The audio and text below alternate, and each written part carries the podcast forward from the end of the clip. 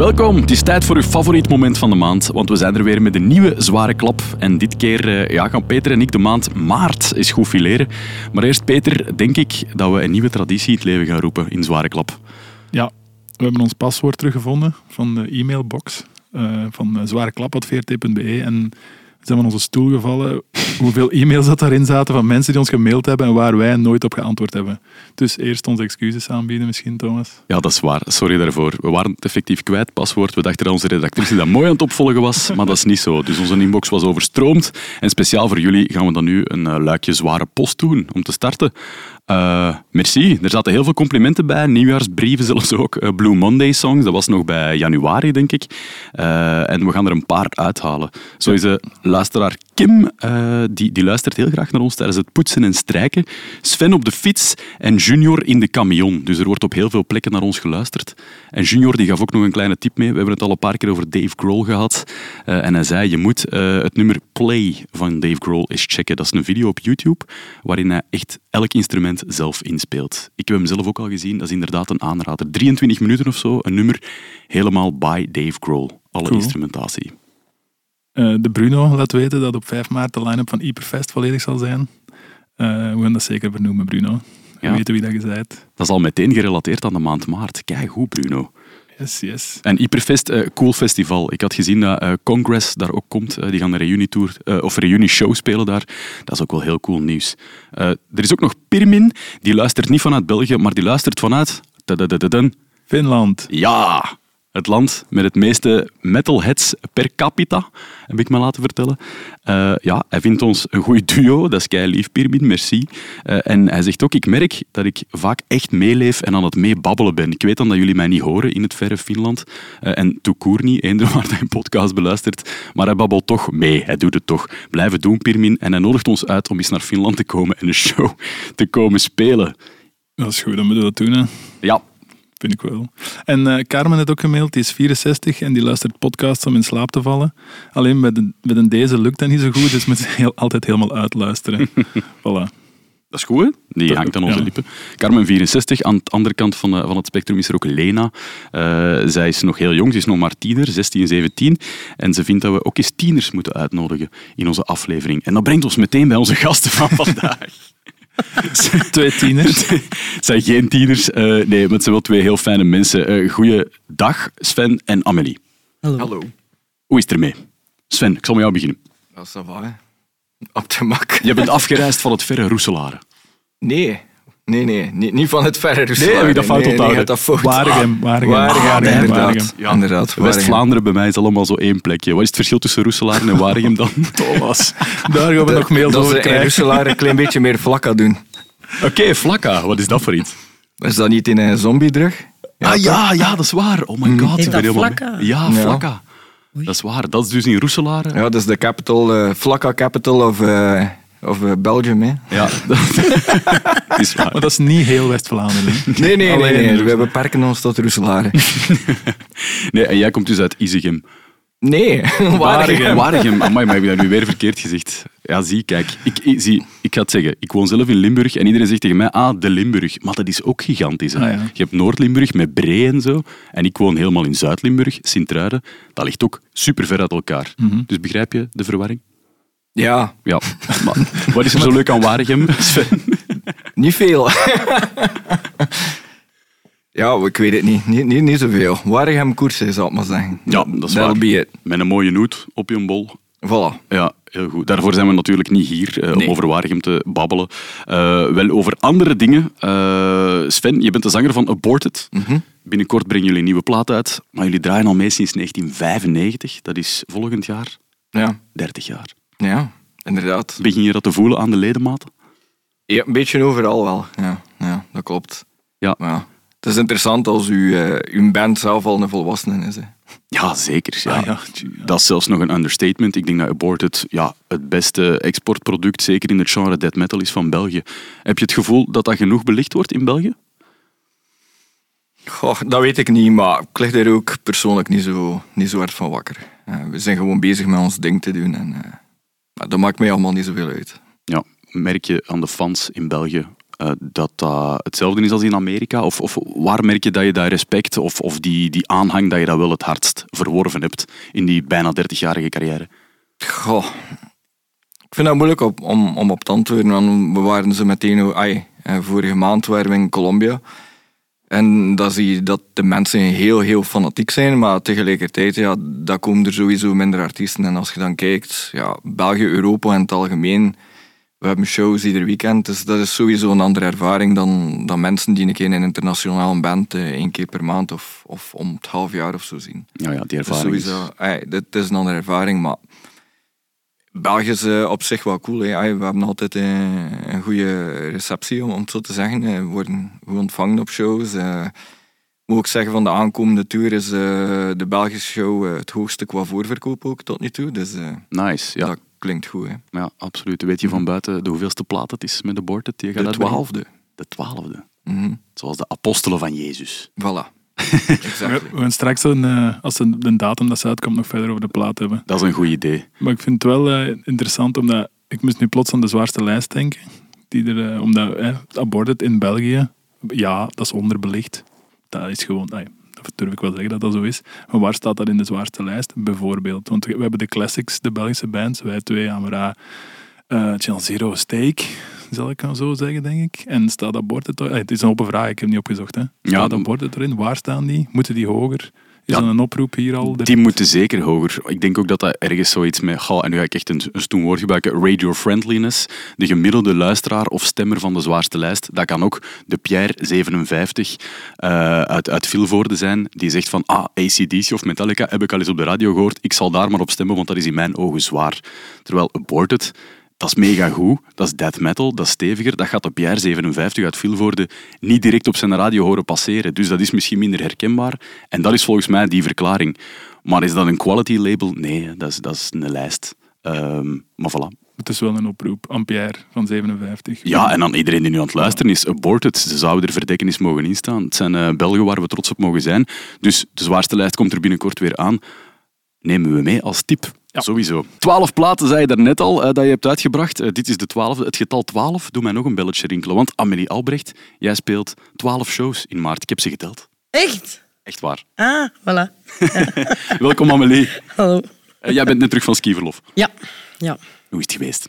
Goed, goed, heel goed. Het was een, een soort short ski, maar eh, ja, niks gebroken, dus ik ben blij. Ja, zelfde vraag als ik aan, Ste- aan, eh, aan Sven heb gesteld. Voel je dat ook aan de ledemaat als je ze op de latten hebt gestaan? Voor de- Eh, ja, ik, ik vergeet eigenlijk elk jaar wel hoe vermoeiend dat, dat is. ik heb geen meelopen gedaan, dat is echt gewoon van de piste eten in bed en opnieuw. ja, dus, ja, vakantie noemen ze dat dan. vakantie. maar ik zou werken, allee, fysiek dan. En lag er sneeuw? Ja. Dat was wel Ja. een ding precies, dat ik zag. Eh, ja, het viel eigenlijk goed mee. Ja. Maar ook veel zon, dus ja, dan wordt het wat pap. Dat was niet zo aangenaam. Maar voor de rest. Amelie Albrecht, je bent comedienne. eh, je bent ook de winnares van Humo's Comedy Cup eh, Ja. 2018. Ja. Ja, hè? klopt. Oké. Yes. We zijn ondertussen vijf, bijna, ja nee, zes jaar verder, sorry. Ja. Ehm, je speelt nu heel veel shows. Ik zeg het, in maart 12. Ik heb ze dus geteld. Ze zijn Ja. bijna allemaal uitverkocht. ja, ik denk juist nog Maasmechelen en zo nog iets. Allee. Ik weet het niet. Maar ik denk allebei wel eh, die kan. Ja, ja, ja. ja. Limburg. Iets in Limburg. Limburg. Voilà, in het algemeen. Daar zijn we weer. Daar zijn we weer. Hoe, hoe voelt dat? Om zo voor volle zalen te mogen staan? Goed, ik ben altijd blij dan. Dan moet ik mij geen zorgen maken. Zo, ik ga, ja, als mensen tickets kopen en stel nu op de eerste rijden zo wat gaten. Ik, ik zie niet verder dan de eerste drie rijen. Dus, dus ja, dat zou mij een slecht gevoel geven misschien of zo. Dus het is altijd leuk als, als je iedereen ziet zitten als iedereen er is. Dus, eh. Zijn de, laatste tik de eerste tickets niet de eerste rij? Of werkt dat zo niet? Nee, maar bij sommigen kun je echt je plaats kiezen. Ah, ja. Eh, zo, ik wil daar zitten. En bij comedy, de eerste rijen zijn niet zo populair. Omdat mensen schrik hebben dat, dat je Ah, er zou uithalen. Roasting. Ja. Ik ben vorige, vorige week naar eh Soendos geweest. Van, Ah, ja, ja, bekend van Slimste Mens. Ik ga in april, denk ik. Maar En mijn ben vriendin benieuwd. had daar zo last minute tickets. En wij zaten op de laat, we hadden blijkbaar de laatste twee tickets, want ze konden zo kiezen op zo'n plannetje. En dat was van achter de laatste rij, de middelste twee. En Soendos had het ook heel hard op die eerste mensen. En die zei hetzelfde wat jij zei. Ja, dat zijn die die je zitten. ziet zitten. Hè. Dus ja, Die worden soms eens... soms worden die aangesproken. Ja, dat is een beetje zoals bij een metalband. Die eerste rij is, Finn, daar durf je ook al wel eens wat... Ja, daar, daar, daar tufte waarschijnlijk al wel eens op, al zingend. Dat gebeurt van alles mee. Ja. ja, jij een fysiek persoon op het podium? ja. Alright. Ja, geef eens een voorbeeld. Ja, die worden eh, vaak een keer goed vastgepakt hè, of eh, gedwongen eh, te bewegen. Of eh, ja, een beetje van alles. Of roasting, ja, dat gebeurt ook. Hè. Ja, ze er even doortrekken. Ja, but nowhere is safe. Hè. There are no safe zones. Nee, zalig. Amelie, meepakken. Hè. No, no safe zones Ja, ik laat de show. mensen meestal gerust, maar ik ga ze ook in beweging trekken, denk ik. Oké.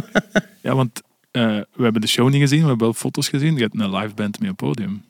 Ja, Mogen we dat, willen we daarover babbelen? Daar, is dat een ik spoiler? wil niet te veel zeggen, omdat, omdat ik het anders zou weggeven. Ja, maar ja, dat is jammer voor mensen die willen komen kijken. Oké, Eh. Maar er staat inderdaad een backline en eh, het, eh, het, is, het is wel een onderwerp in de show. Het, gaat, het gaat eigenlijk over hoe dat ik misschien toch liever muzikant had geweest. Dat is een beetje de insteek. Ah, oké. Oh, Dus, nice. eh, dus vandaar.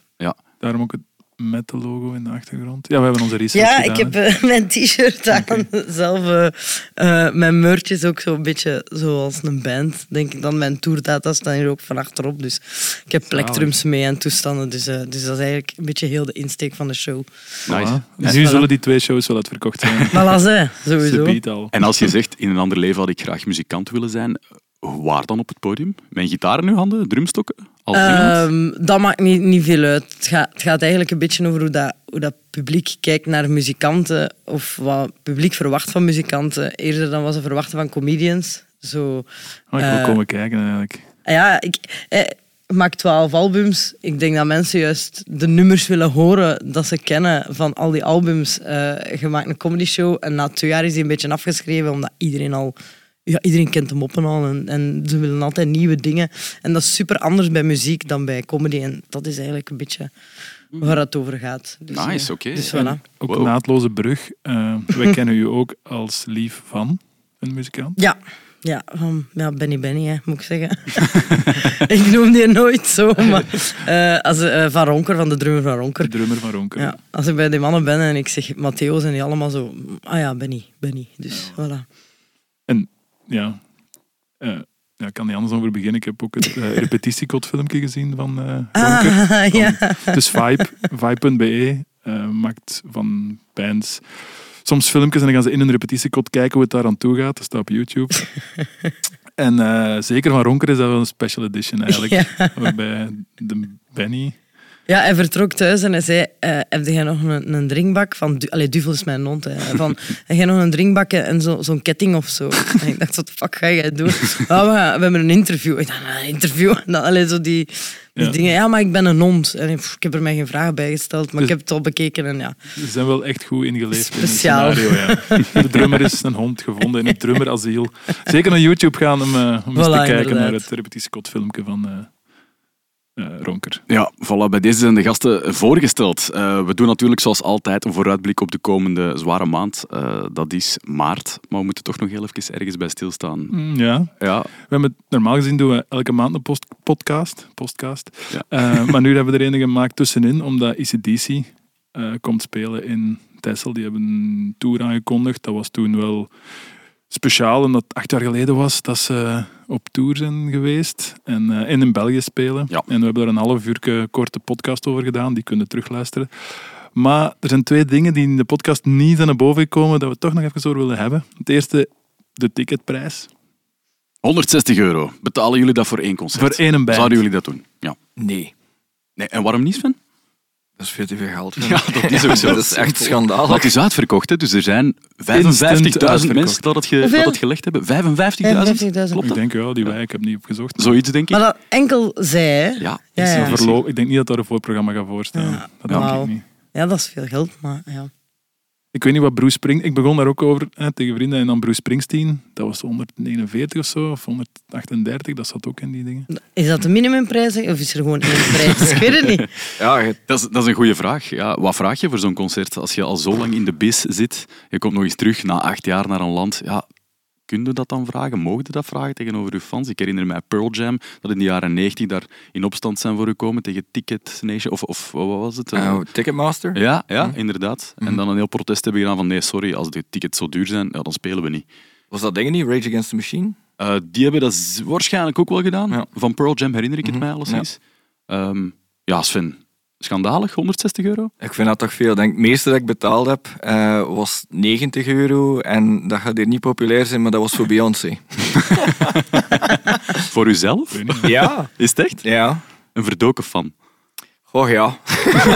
het, was, eh, het was cool om een keer te zien, ik zal het zo zeggen. Maar- ik, ik wil nog niet te veel verklappen, maar straks komt er iets in die richting van Beyoncé nog eens terug in de podcast. Ja, maar ik vind dat wel een goede vergelijking, want dat was het Koning Boudewijn Stadion, maar dat was Ja. wel, denk ik, ik was er zelf niet, of ik zag op social media en zo, een show die nog nergens vertoond was. Je weet niet goed wat dat je moest verwachten. Het was echt next level of touring of zoiets. En Mhm. die schermen en Beyoncé zelf en die ECDC is ECDC, hè? Allee, zonder afbreuk te doen aan ECDC. hè. Ik heb in de podcast goed genoeg gezegd Mhm. wat ik ervan vind, maar dat is geweldig wat dat die betekenen of gedaan hebben, maar je weet eigenlijk al waar dat je voor betaalt. Je weet al wat dat het gaat zijn, eigenlijk. Ja, dat is zo. Dat is zo. En dan met Bruce Springsteen om nog eens, want ik ben ook een, een fan van de Bos, die komt dan een werchter, dat kost ook zoveel geld. En dacht ik, ja, het is de laatste keer. Eh, eh, het, is, het is bijna... Hij stopt er bijna mee, dat was zo het gerucht. En dan komt hem gewoon een jaar later terug. Maar dat weet je toch zo. ja, maar ja, ik wist dat. ik Echt, ben niet je geweest, maar pas ik zeker dat. als ze dood zijn. Echt, dat heb ik bij muzikanten al gemerkt. Ja. Ik kom gewoon altijd terug dat ik denk, ja... De ticketprijs was het eerste ding van ECDC, maar een ander ding we ook niet mogen, mogen negeren. Ehm, het is op dezelfde, de eerste dag van Alcatraz Festival. ja, 9 En- augustus. Ja. Ja. ja. En dat is toch wel... Dat pikte, hè. ook online heb ik daar heel veel reacties over Ja. gelezen. Van, "Goh, allee, nu net samen met die Alcatraz-dag, is er nu voor gedaan of niet? Dat is zo... Ja, weten we daar een antwoord eigenlijk op? Ik heb een beetje rondgevraagd. En, en eh, niet bij Alcatraz of, of eh, Graspop zelf natuurlijk. Maar de mensen die er iets van kunnen weten, die zeggen ja, dat is kut. Maar ze zullen het ook niet kunnen kiezen hebben bij Live Nation, dan bij, bij dingen. Dus Ja. de, wat mij is verteld is dat ECDC wel hun kalender heeft en die gaan niet plots naar eh, een dag ervoor gaan, omdat er ook Alcatraz is.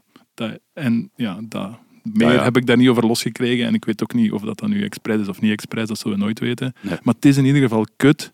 Zoals als ik zag dat die ticketten ook op een seconde of een dag alle 55.000 weg waren. Mhm.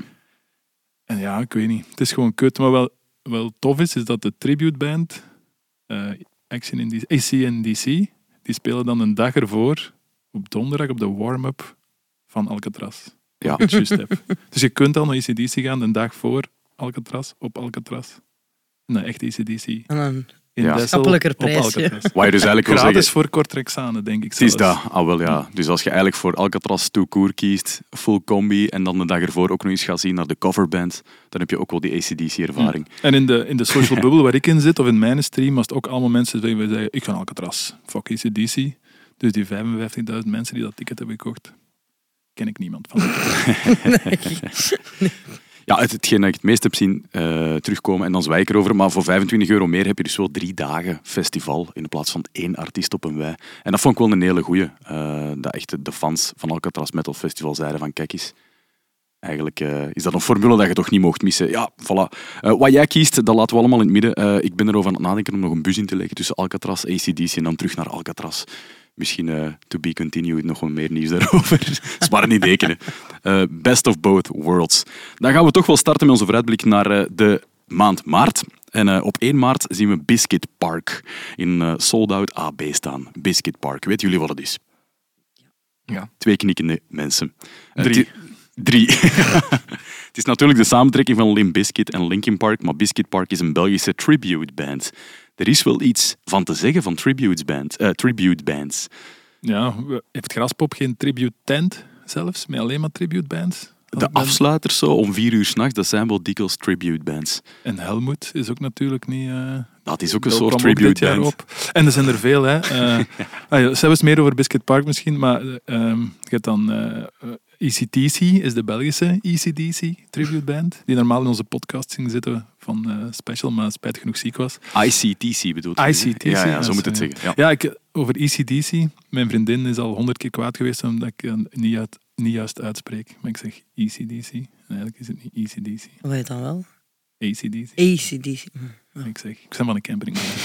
Ehm eh, oh, wacht, hè. Bulls on Parade natuurlijk. eh Race Against the Machine, tribute band. Met de iconische tomaten op zang. En heel goed. Ehm, ik heb in Duitsland Fire, eh, Thomas spreekt dat uit. Feuerengel. Voilà. Eh, een tribute band van eh Ramstein. eh, die blijkbaar eh, het decor van de oude tour van Ramstein gekregen hebben als cadeau om dan in hun eigen show te gebruiken. Wow, amai. Eh, je hebt in de UK Killer Queen en die hebben een tandprothese. Die, die zanger heeft een tandprothese om eruit te zien zoals Freddie Mercury. Dat meende niet. Dus hebt, twee, eh, twee stevig vooruitstekende voorste tanden.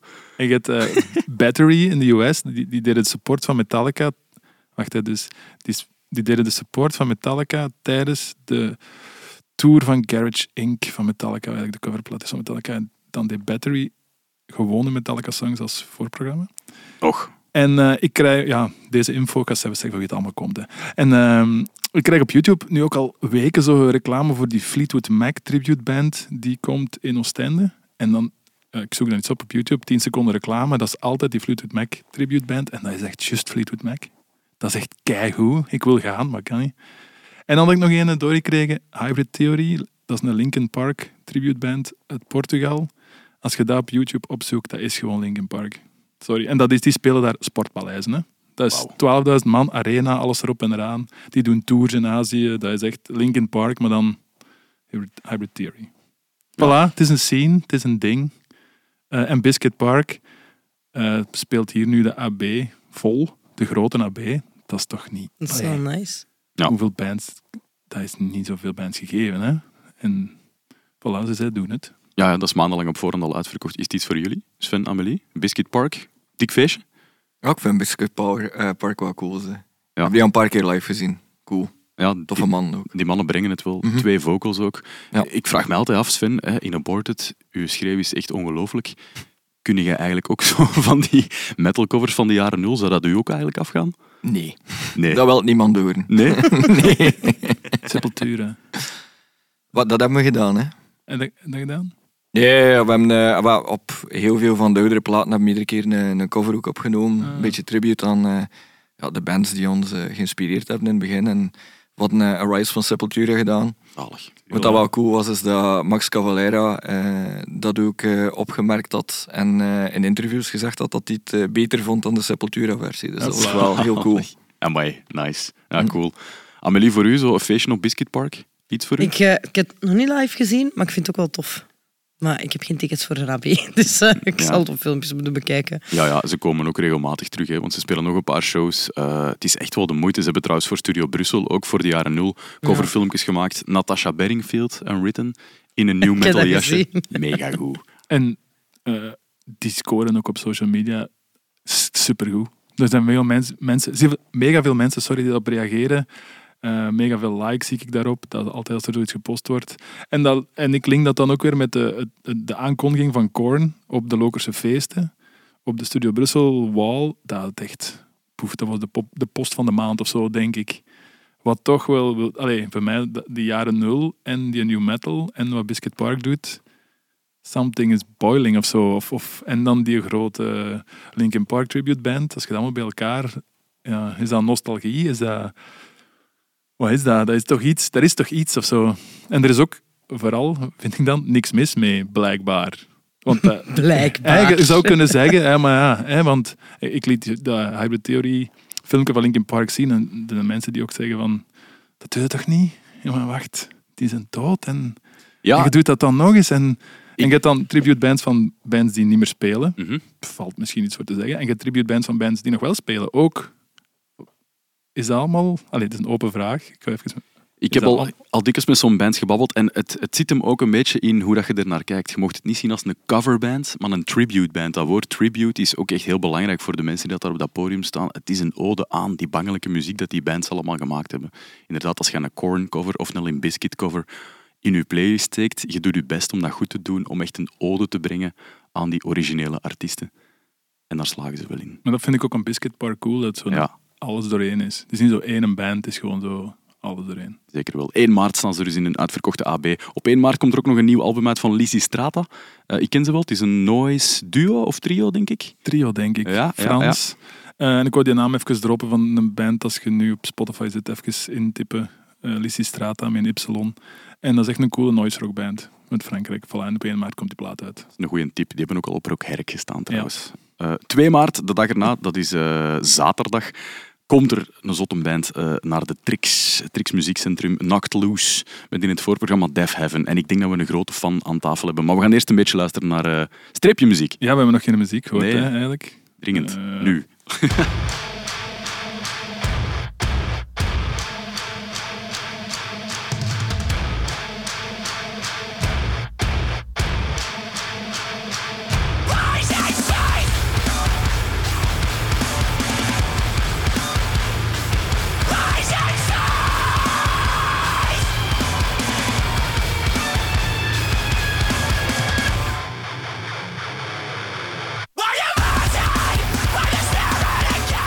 Voilà.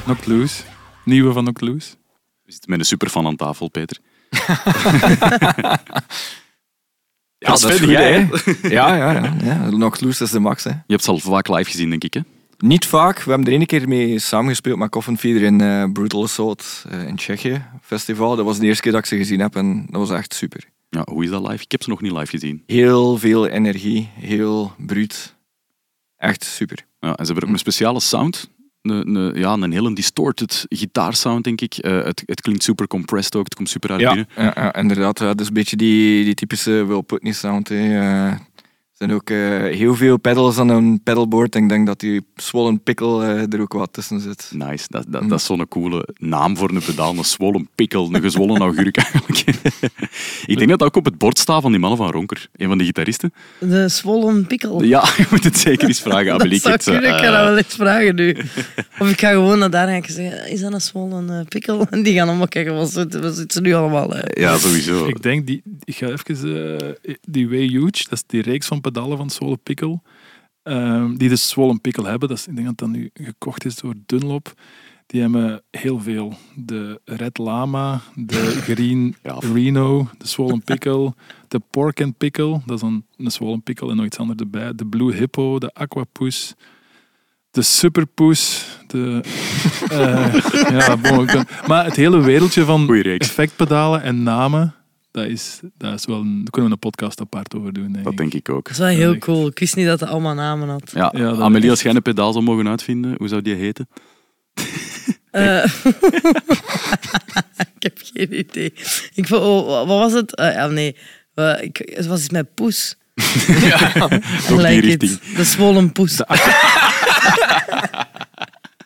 Dat is een, een Swollen Pickle en een Aquapoes. Voilà, Voilà. klaar. Een Aquapoes is een delay en eh Swollen Pickle is ja, een fuist. Dus ja, voilà. Voilà, Ik vind dat goed. perfect. Ja, we dienen de naamvraag in en dan moeten we die ook gebruiken in uw live show. de Zwollen Poes. Mijn, mijn favoriet is een Dirty Dog van eh Peavy. Allee, Voilà.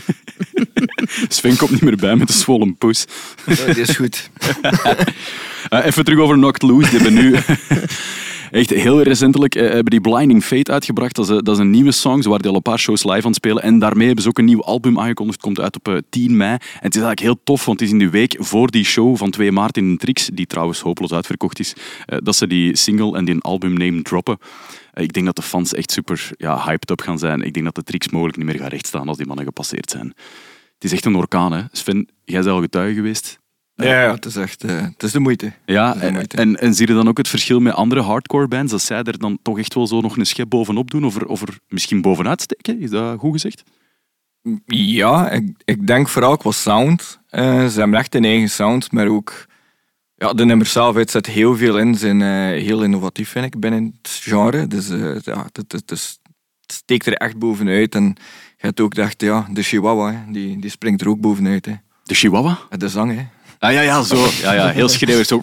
Ja, ja, ja. Ja. ja dat is echt herkende het. dat is waar. Ja. En dus, want Dr. Loot bestaat eigenlijk al lang. Mhm. Het, allee, toch al... Ja, toch al even... allee, 2014 of zo, 2013. Ja, Als meer al- dan tien jaar, denk Als we ik dat wel, lang ja. mogen Mhm. noemen. Ja, Ja, Aborted bestaat natuurlijk veel langer.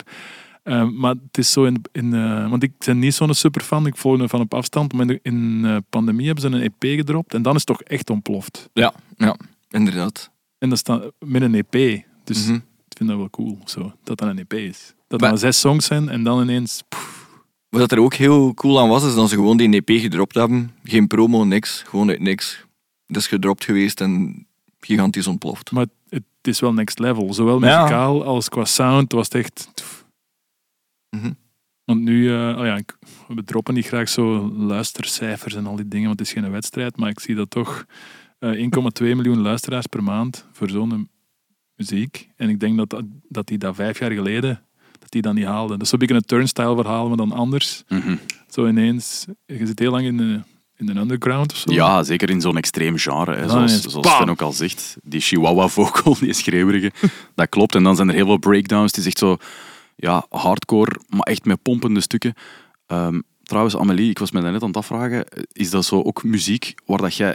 ik, ik was me echt een beeld aan het maken ik- van oei. Amelie die dat zo aan, met haar vuisten aan het rondslagen is in een pit. Gebeurt dat? Is dat iets dat je al gedaan hebt? Eh, nee, niet, niet gedaan. Maar dat, het is niet het soort muziek waar ik op mijn eentje naar ga luisteren. Mhm. Thuis- Ik word daar een beetje nerveus van. Ik, ik, dat is geen rust in mijn hoofd of zo. Ja, een beetje te Ehm, gejaagd zo. Ja, ja, ja. eh, maar live kan ik zo'n dingen wel echt eh, wel ap- appreciëren. Maar ik ga niet, ik ga niet beginnen eh, trekken en duwen.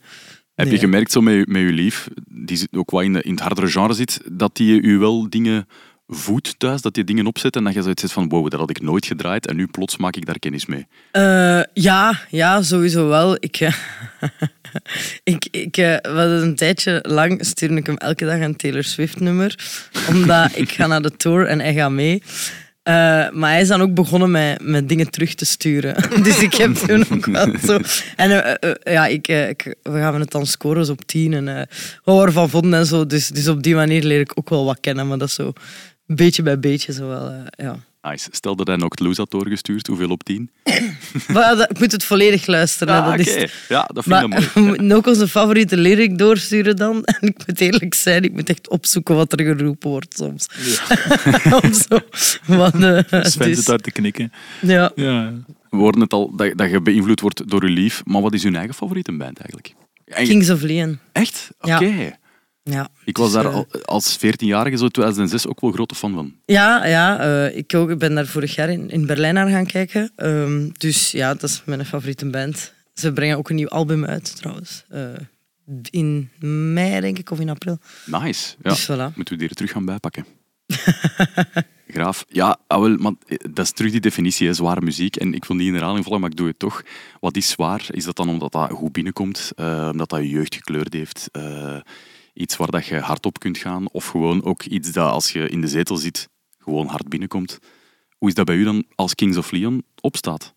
Eh, Ride in the Fields, of hoe moet ik dat dan zien? Eh, ja, ja, en dat is echt gewoon... Ik kan, dat leidt mij ook niet af. Ik ben gewoon op mijn gemak dan. Dat is vooral als ik, als ik thuis ben of in de auto zit, is dat het belangrijkste voor mij. Dat ik gewoon op mijn gemak ben en dat ik niet zo...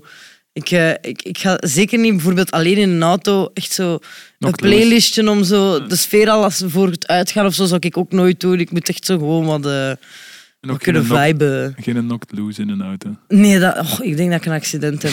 Ik ben ook niet No- de knocked beste loose, chauffeur. eh. Ik ga veel te rap beginnen rijden. Nog loose in de file op de ring van Antwerpen. Nee. Stel je voor. Dan denk je dat je wilt uitstappen en iedereen zijn kapot in elkaar wilt slagen.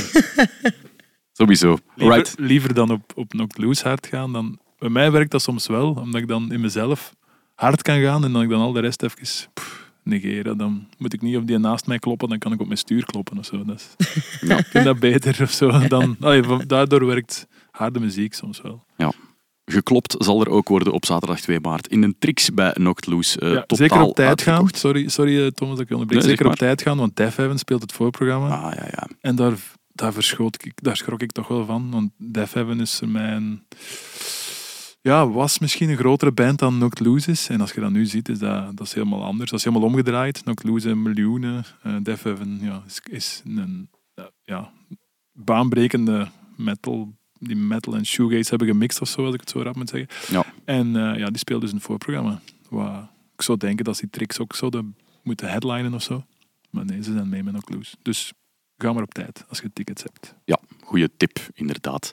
Eh 8 maart eh, schuiven we op naar Meltheads, Belgische band. Die komen in het Wilde Westen van Kortrijk. Petri, waar je er absoluut in duwen. Meltheads, eh stel ze eens kort even voor. Oh, ja, dat kan ik niet, denk ik. Ja, daarvoor moet je naar de plaat luisteren. Maar ik ken Melted. Jonge punkband. Ja, jonge punkband. Ja, Zo, ja. Ik had geen bio voorbereid of zo. Ehm, ja, ik heb zo'n verhaaltje. Nee, wacht, ik zal het eens over de, over de plaat hebben. Eh, de plaat is net uit en de, show, de release shows, ik denk ook één op 1 maart of zo, en een hele hoop release shows. En eh, ik vond dat wel een goede plaat. Voilà. eh, voor een jonge band. moet iets laten Ja, horen? Moet graag. iets laten horen, hè? Ja. Maar als ik iets laat horen, dan... Maar dan zijn de gasten direct mee, de luisteraars ook. Dan weten Ja, ja. we zo van hoe klinken ze. want dan komt mijn verhaaltje dan na, na de, Dat mag.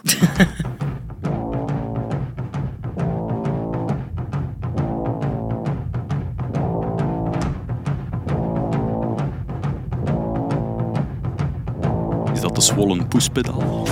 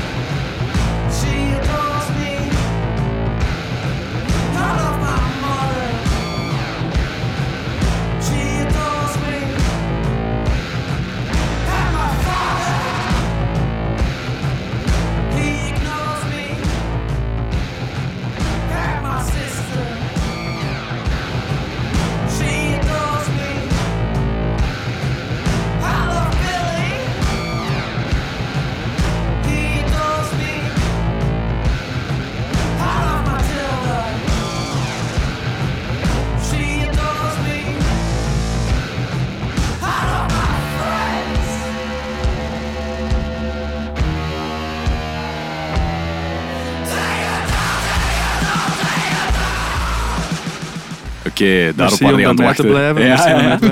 Ehm, ja, die plaat. Ik heb altijd zo, als ik een plaat de eerste keer luister en ik vind alles goed, dan ben ik mega blij. Dan denk ik, fuck yes, een jonge Belgische band. Kijk goede plaat, gewoon productie, goed, goede songs. En dan luister ik de tweede keer en dan vind ik zo van die dingen. En denk shit, ik ben te snel geweest met mijn judgment. en eh, ik weet niet, ik heb er lang over nagedacht dat ik ging zeggen, maar soms is de plaat geniaal en soms is ze een beetje puberaal. Zo zwaar woord, om, ik wil die mannen zeker niet offenden. Want zijn, Blink is heel groot geworden op puberaal, dus we gaan dat zeker niet als slecht dingen benoemen of zo. Maar het switcht zo echt van, van echt mega cool, internationale, super coole songs of zo. En dan is het zo...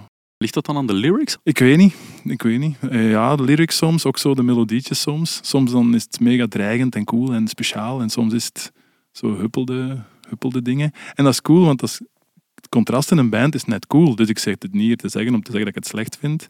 Eh, maar het raakte me wel eens zo. Het was heel zo speciaal. Het is niet zo... Gelijk, er zitten misschien Idols-invloeden in. En Idols is, of was gewoon Idols. En dan is het allemaal Idols. Maar zij doen Idols en dan soms iets totaal anders. En dat vind ik wel cool. Ik zal iets anders opzetten, hè, dat ik mijn punt een beetje kan... eh, Mhm.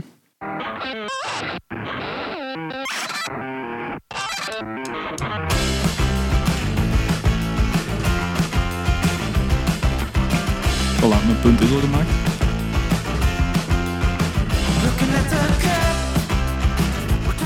Maar er is zo wat California vibe dan plots. Het three-chord eh, punk song.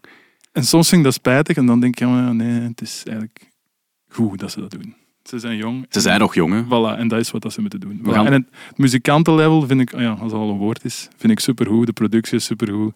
En ik, ben, ik was verrast door die plaat. Voilà. Ja. Als we 30 jaar terug in de tijd gaan, een jonge Sven, als je die muziek nu vergelijkt met de platen die je nu maakt, Sven, was dat ook, om het betere woord te gebruiken, puberaler of iets meer eenvoudiger? Of zat daar zo... Kan je dat Maar- vergelijken? Wat ik zou zeggen, puberaal weet ik niet. We, we hebben altijd eh, songs over kak gehad, dus eh, dat is er nooit uitgegaan bij ons. Ook de nieuwe plaat, ja. Maar eh, minder volwassen zeker. Maar ik denk dat dat ook groeit. Hoe meer dat je groeit als muzikant, ik denk dat dat normaal is dat je je stijl doorheen de jaren gaat verfijnen. Je wordt beter in wat je doet. Je smaak wordt breder. Ik denk dat dat allemaal een beetje normaal is. En misschien was ik ook bevooroordeeld, want nu, nu komt een verhaaltje dat ik nog had over Melteds. En ik zal proberen kort te houden, maar ik, eh, ik, was een keer gevraagd om in eh, een sessie te zitten van Vibe. Eh, die sessies doen voor jonge muzikanten en dat was soundtrack noemt dat. Er worden een aantal bands voor Vlaanderen geselecteerd en die mogen dan zo workshops volgen over podium, over eh, toeren. En er was een sessie op zondagochtend om 10 uur in Tepo in Leuven over toeren in het buitenland. En ik was daar en er waren nog twee andere mensen en wij zaten daar met drie om, moest om 7 uur opstaan of zo, om daar op tijd te zijn, op een zondag. En die zaal was half leeg. Die band, de helft was niet gekomen, Ja. eigenlijk. En ik zat daar al wie mij kent, weet dat. Al zo van, what the fuck eigenlijk. Je komt, doet een sessie, Svipe organiseert een sessie over eh, toeren. Er komen mensen uit hun bed omdat u komen te vertellen wat dat je daarvan misschien iets zou kunnen leren. Niet per se van mij, maar misschien iets van die andere twee. En de helft komt niet opdagen. En ik was eigenlijk wel pist. En ik heb het ook laten merken, ik heb het ook gezegd. En de manager van eh Meltheads was daar ook, want Meltheads was niet daar. Zij waren niet op de sessie. En ze moesten daar wel En bij. ze moesten daar eigenlijk zijn. Ja, voilà. En hun manager was er wel, een gigantische kop. Zo, heel juist uit, uit zijn bed. En ik had mijn ongenoegen ook tegen hem duidelijk geuit. En twee dagen later, of drie dagen later, kreeg ik een mail van Meldheid. ehm, met daarin hun uitleg waarom dat ze daar niet waren. Ze hadden een dag ervoor een, eh, een eigen show georganiseerd in Trix, een soort van party. En dat was heel het uitgelopen en ze hadden vibe verwittigd en ze gingen tegen 12 uur. Dan was er een tweede sessie met Eefje de Visser. Gingen ze er wel zijn, maar toen was ik al weg. En ze hebben mij dan echt de moeite genomen om deftig uit te leggen waarom dat ze dat niet waren. Nu, ik ben dan zo ene, eh, ik heb een mailje teruggestuurd, sorry gasten, merci om mij dat uit te leggen. En dat puberaal, hè, dat ik dan in die muziek hoor, ik link dat dan al met, ja, met dan van je komt niet opdagen voor een sessie. Oké, je hebt daar wel een reden voor en ze hadden echt heel goed uitgelegd wat hun reden was en ze werken heel hard. En ik hoor ook aan de platen dat ze hard gewerkt hebben, dus dat is het probleem niet.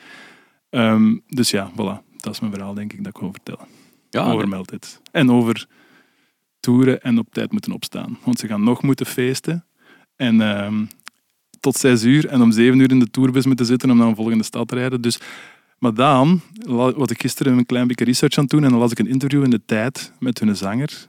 En hij weet het. Het staat er letterlijk in. Van, we waren zo en we willen dat niet meer. En we gaan beter ons best doen. En voilà. En ik denk als ik de plaat hoor dat ze dat aan het doen zijn. Dus credits to Melted. Oké. Dit was te persoonlijk, hè? Ja, ik weet het. Maar voilà, ik heb Nee, het al nee, verteld. nee, je hebt het gedeeld, dat is mooi. Dat is goed. Voilà. Komen jullie soms in de verleiding van te laat blijven plakken en dan afspraken missen de dag erna? Nee. Nee. Nee, nee, ik persoonlijk nee. Ik Plicht ga- bewust altijd, op tijd je bed in, klaar voor de volgende show? Ja, voor mij is toch de show het belangrijkste. Dus eh, ik ga altijd eigenlijk vroeg gaan slapen. I don't party. I'm Never. boring. Nee, bijna nooit. Misschien één à twee keer in een tour, maar voor de rest... Voor mij is de, de show het belangrijkste. Mensen hebben betaald eh, om iets te zien en dan vind ik ook dat we... Ja, ver, ai, we moeten dan ook aan die verplichting voldoen om, om ook een zo goed mogelijke show neer te kunnen zetten. Nice, dat vind ik echt als echt muzikantschap. Was dat dan 30 jaar geleden misschien anders? Ja. Ja. Oké, dus jij hebt ook in die val getrapt en dan nadien die fout niet meer gemaakt. Ja. Ja, maar ik denk dat dat ook... u- Heb uw je dat leg- nodig soms misschien, ja? Om dat even tegen de lamp te lopen en dan... Ja, ik denk dat het vooral zo is dat je ook je, je lichaam leert kennen en, en dat je een beetje weet van wat je wel en niet kunt. En dat je dan gaan, ja, een beetje gaat gaan aanpassen aan wat er wel en niet kan. Hè. Als je jonger bent, gaat dat toch nog vlotter, denk ik ook. Dan, Ja. Dan, ja. Ja. ja. dat is zo. Ja, Ja, als je jonger bent, kun, Ja, ja. dan kun je veel drinken en dan een cola en een durum en de volgende dag zit terug er helder. weer tegen. Ja, Ja. dat is inderdaad, hoe ouder je wordt, soms iets moeilijker. Amélie, kom jij soms ook in de verleiding na een show om nog wat haha, duvels te blijven drinken? Nee, sorry, ik ga de duvels nog eens bovenal. Of iets anders. Hè. Amélie drinkt ook andere dingen dan duvel. Nee, ja, ik moet dan ook nog naar huis rijden vaak. Dus Ah, ja, ja. eh, niet zo.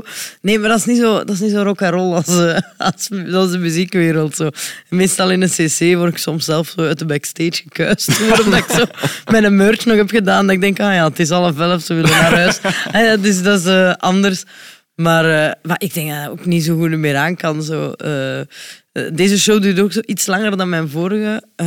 en begin van de try-out had ik heel veel last met... zien dat ik nog naar het toilet ga, want ik kan anderhalf uur in het toilet. Echt onnozel. En ik ben ook kapot. Mijn stem is ook... dus ik heb nu dit weekend moet ik s'avonds optreden in Keerbergen.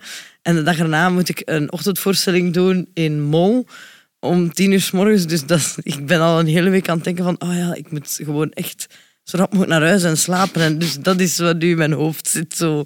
Ik kan dat ook niet. niet eh, is wel Niet grappig dat er, dat er parallellen zijn tussen zingen inderdaad in een band en op een podium staan en anderhalf uur spreken lijkt me ook super stemintensief. Ja. Ja, dat is, dat, is, dat is babbelen. Hè. Dat is gewoon babbelen. En als ik dan zo vier, vijf shows, allee, dagen op na elkaar, dan merk ik wel dat ik echt wel wat uitgebabbeld ben ook. Dat, dus ja. Ja, ja, ja. en, en wij worden soms ook uit een backstage gekuist. Ja, dat, ja. De constant. Dat we te veel, te op de merch staan of nog te veel zitten Ja. te zeveren of zo. Ja, daar leven we voor om uit backstages gekeerd te worden. De mannen van Meltijds hebben het ook geleerd. Het eh, professioneel muzikantschap op 8 maart staan ze in eh Wilde Westen. Is dat een goed besluit? Dat is Ah, toch niet... staan ze daar? Wie zal het zeggen? Ah, Dat hangt er vanaf van 7 maart. Shots fired. Sorry trouwens, ik ken die niet. Het gaat hier nu niet mijn fout zijn. maar ik eigenlijk ook niet. Maar ehm, volgende keer gaan we wel een, een pint drinken. Voilà. Eh, Dat is mooi. Eh, we zitten aan 9 maart, want Ja. dan is de 30 jaar Music City. Misschien ook zeggen, 9 maart gaan we live op het podcast-event van de VRT. En Oh. eh, korte dienstmededeling, onze voorstelling van Zware Klap is ook officieel uitverkocht. hola. nice. Waar is dat? Eh, in Mechelen, in eh Lamot. Ah oké. Ja. Voilà. Mooi gebouw in de Dijlenzaal. En het zit dus vol. En wij twee en Colin van Amara. Inderdaad. Maar dat zit vol. Wat zit er nog niet vol? Jawel, dat zit ook Ah, vol. dat zit ook vol, ja. 30 jaar Music City in de Trix. Eh, ik ga even de line-up overlopen. Abrahamic Liars, Bark, Bear, Butcher, Gnome, High Trail, Hond, Minus 4 to 5 Degrees, Penis met een U, eh, Raw Peace, Rehash, Stieglitz, Tangled Horns, The Seed Sniffers en Toxic Shock. Eh, bands die hier sowieso al aan bod zijn gekomen. En we moeten het sowieso hebben over die Music City. Legendarische venue. Het is een underground venue. Voor jullie, Sven en Amelie, sowieso ook. Hoe belangrijk zijn die kleine zalen waar je voor het eerst gaat spelen, waar je op een planken vloer staat, waar je je werk mocht tonen aan de mensen. Hoe belangrijk zijn die voor jullie geweest? Sven? Maar ik denk toch vrij belangrijk, zelfs nu nog, als, dat, als je dat nu nog speelt, soms zijn dat nog de leukste shows, omdat je meest contact eh, hebt met het publiek en dat de interactie een heel stuk hoger is dan voor wanneer dat je op een fes- een festival staat. Het is echt face-to-face en dat kan nog altijd het meest grappig en, en leuke zijn soms. Het is daar dat je het leert eigenlijk. Voilà. Heb je ooit in de Music City gestaan, in Antwerpen? Oh, Ken je de venue? Nee. Oh. nu zeker gedacht van wel. Ik dacht zeker vijf keer. Ah, wel, ik dacht dat ook. Ja. Nee, nee, nee, nee, nee, eigenlijk niet. Is dat café-setting? Of, eh, Ja, min of meer wel. Het is een toog, echt met pintjes aan de bar. Eh, het is in de Handelstraat, dus dat is echt allemaal winkels. ehm, en, en daartussen is er zo een, ja, een Deur. soort van plank, planken deur. En dan gaat er via een alleyway, zo eigenlijk dat ook nog buiten is, in een, in een zotkot met een dikke paal in het midden.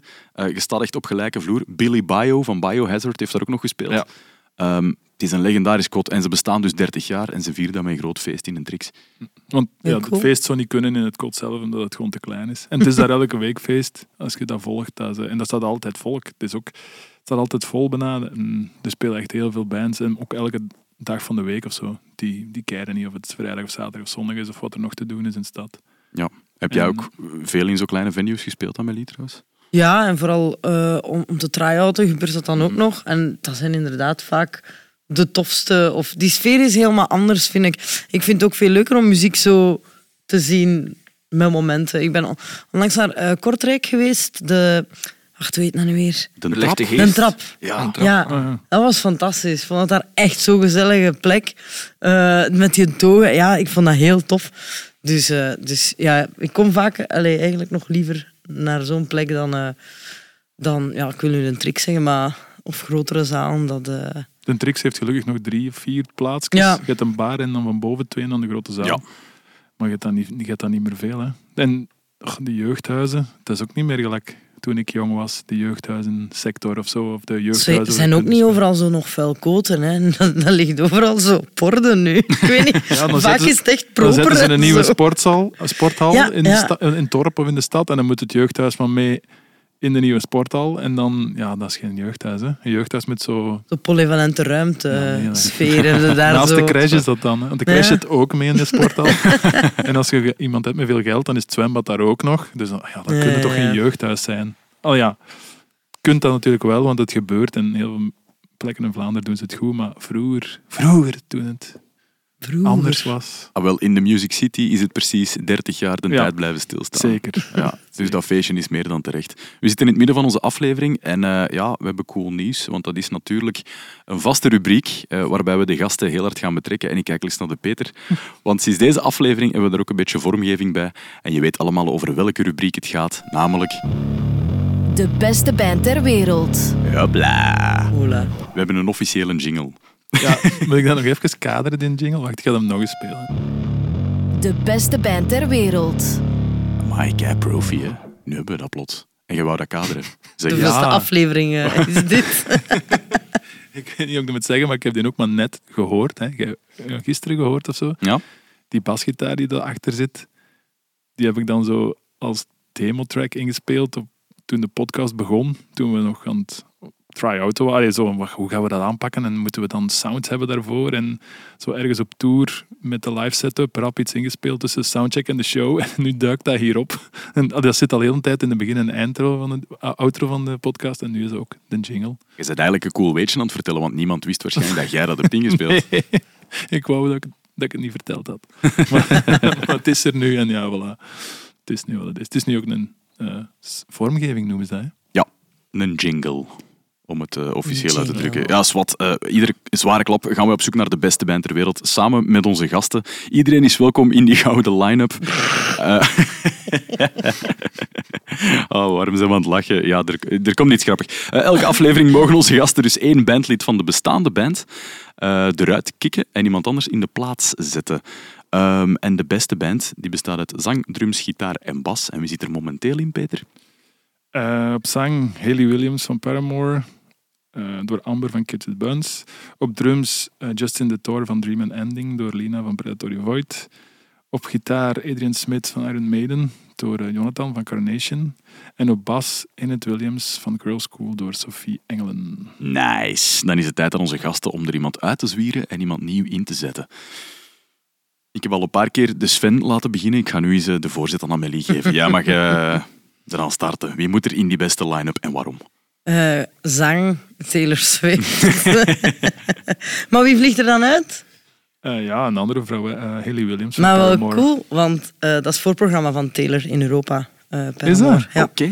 Dus, Er is een link. ja, blijkbaar. Allee, ik wist niet dat dat Ik wist niet dat opstelling was doordacht. Maar ja, ja, ik, heb, ik wist dat. eh, ja, ik heb daar eens eerder over nagedacht. Ik, Ja, Sven, jij had het daar straks over Beyoncé. Nu hebben we het over Taylor Swift. Iedereen Ja. is welkom in de beste band. Hè, maar waarom Voilà. moet ze er zeker in? Ah, voor tickets te verkopen. Je band moet Ik geld ik genereren. zeggen wat je wilt, het gaat vol zitten.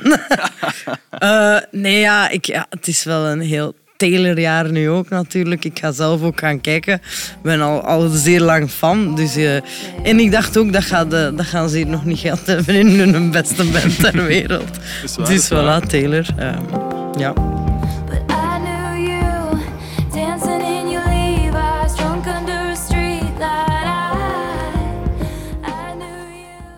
Ik een vraag stellen? Ja, Weet er iemand of Taylor Swift zelf haar nummers schrijft? ja. Doet hij dat zelf? Weet je, ehm, ik, ik merk vaak dat mensen, als ik zoiets zeg, mij heel naïef afschilderen. Ze doet dat niet alleen. Eh, ze schrijft eigenlijk heel veel van haar nummers met eh, Jack Antoff, denk ik dat hem heet. Eh, maar dat is wel een singer-songwriter die nu nog altijd dat doet. Zit daar nu veel meer volk op? Sowieso wel. Maar ik, ik merk vaak dat mensen heel rap in de verdediging schieten en zo. "Ah, nee, what the fuck, er zit sowieso een team achter die haar nummers voor haar schrijft. Maar dat is niet waar. Taylor heeft ook nummers voor anderen geschreven. Die, dus, eh, dus dat wel, ja. Ah, ik weet het niet. Hè. Het is niet dat ik het in vraag stel of zo. Ik Nee, nee, nee, maar dat dacht ik ook niet. Ja, het klopt wel Nee. wat Amelie zegt. Ik, ik herinner me ook, er is zo'n foto van, ik denk 10 of 15 jaar geleden, waar Taylor Swift ergens op een pier staat, met een gitaar in haar pollen, met een band, Mhm. en echt country nummers aan het zingen is, die ze zelf geschreven heeft, met een kleine beginnende banner, waar echt zo zelf geschreven Taylor Swift op staat. Ja. Dus die komt wel van ergens. Het is niet dat die gepusht is door Nee. ergens een scene van, oh, die ziet er goed uit, we, we schrijven een paar coole nummers, en jee, we hebben een nieuw idool gemaakt. Zo is het echt Die niet. is echt op haar 13, 15 met cd'tjes Ja. naar, naar Sony gegaan en wat is het allemaal. En, eh, die, die haar ouders, pas op, is wel van rijke komaf, die zijn verhuisd naar eh, Nashville eh, voor haar, eh, zodat ze die kans zou krijgen. Dus, dus dat heeft ze wel mee natuurlijk. Maar, eh, maar het is inderdaad wel zot wat ze heeft gedaan. Ook haar band nu, eh, er zijn twee, twee gitaristen denk ik, die echt al ook van in het begin nog altijd, die is ook heel trouw aan haar ja, en haar crew en al alle toestanden. En dat vind ik ook wel heel ferm eigenlijk. Dus, Ja. eh, dus voilà. Maar dat is heel cool. Ja. En ze kan zingen, hè. En voor mij is dat dan dat zo'n detail, maar dat Paramore de support nu doet, dat, is zo, voor mij, dat zegt ook wel iets. Voor mij is nu Taylor Swift cooler dan een half uur geleden. Nou, ik Ook al ken het. ik haar niet en ken, haar- ken, haar, ges- ken haar geschiedenis niet, ik ken al die verhalen niet, ik ben totaal niet mee. Of ja, ik zie het passeren. Ik snap maar- het, Matteo kijkt er ook naar uit om Paramore te zien. Als we naar Taylor gaan. Maar ja, kijk. Dus, dus voilà. Mooie toevoeging. Sven, Taylor Swift, heb jij gekozen in dezelfde lijn. Ja, absoluut. Ja, absoluut. Wel, ik had eigenlijk eh, origineel eh, Ronnie James Dio op zang, maar eh, de zang was al genomen. Dus, eh, Oh, sorry. dus, nee, het is, het is niks. Eh, nee, ik ben eh, naar de gitaarafdeling eh, afgezakt om eh Dimebag eh, te kiezen van Nice. Pantera. Ja, Dimebag Daryl. Het zal wel zijn, ja, een van de Abbott Brothers eh, die Pantera wel Pantera maakt. Ja, ja absoluut. Voor mij alleszins een heel kenmerkende gitaarsound. Mhm. Eh, is ook een bijzonder verhaal. Hè. Is op het podium neergeschoten eigenlijk. Ja. Doodgeschoten moet ik zeggen. Oeh. Ehm, Door een fan, hè. Ja, inderdaad. Een beetje John Lennon verhaal zo. Hè? Obsessed with. En er is een op het podium gekropen, heeft hem, eh, heeft hem neergekogeld. Eh, ja, natuurlijk. Ik heb het al gehad. Alex, ik heb het nu over die Pantera sound. Is dat Dimebag dan voor u? Het feit dat je hem kiest en niet iemand anders van Pantera bijvoorbeeld? Ja, ik denk het wel. Ik denk dat, hij- wel het gros van de nummers geschreven heeft. En, en eh, ja, zijn solos, zijn riffs, zijn, dat is de sound van Pantera. Natuurlijk ook met veel zijn zang en de drums. Ja, niet, eh, ja, je kunt dat niet naast kijken. Maar ik denk dat Dimebag zijn gitaarspel wel een, hele generatie aan bands en muzikanten eh, geïnspireerd heeft. Als je kijkt naar die hele new wave of American heavy metal die, die in de ja, latere jaren 2000 gekomen is, ik denk, ah, Pantera zit daar gewoon in. Hè. Ja, absoluut. Heb je een nummer dat we moeten draaien? Yes. One, two, three, four. Almost every day, I see the same face. A broken picture too. It fits the attitude. If you can see yourself, you put you on a shelf. Your verbal masturbate, promise to nauseate. Today I play the part of not parent. Not make a hundred rules for you to know about yourself.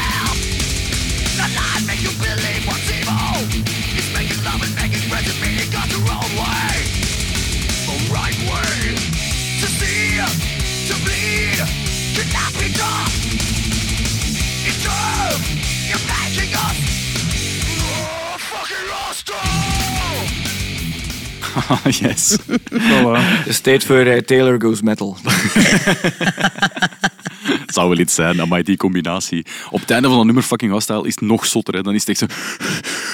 En dan... Oh, Phil Anselmo, dat had ook echt een hele goeie geweest. Ja, zoveel mensen dat we in die beste band ter wereld kunnen zitten.